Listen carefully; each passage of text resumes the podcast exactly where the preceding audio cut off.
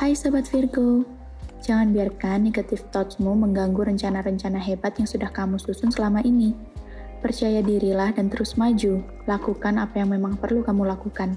Cobalah percayakan beberapa hal kepada orang lain dan biarkan mereka membantumu.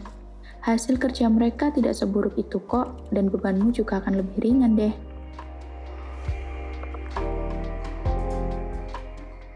Percintaan untuk Virgo Lovebird. Hilangkan rasa tidak leluasamu dengan pasangan. Jangan biarkan ada tembok pembatas antara kalian berdua.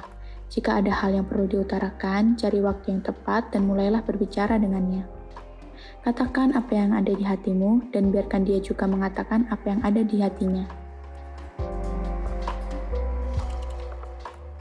Percintaan untuk sobat Virgo yang masih single. Mendendam hanya akan menjadikanmu sulit melupakan mantanmu. Berdamailah dengan masa lalu dan sambut masa depan dengan penuh kehangatan.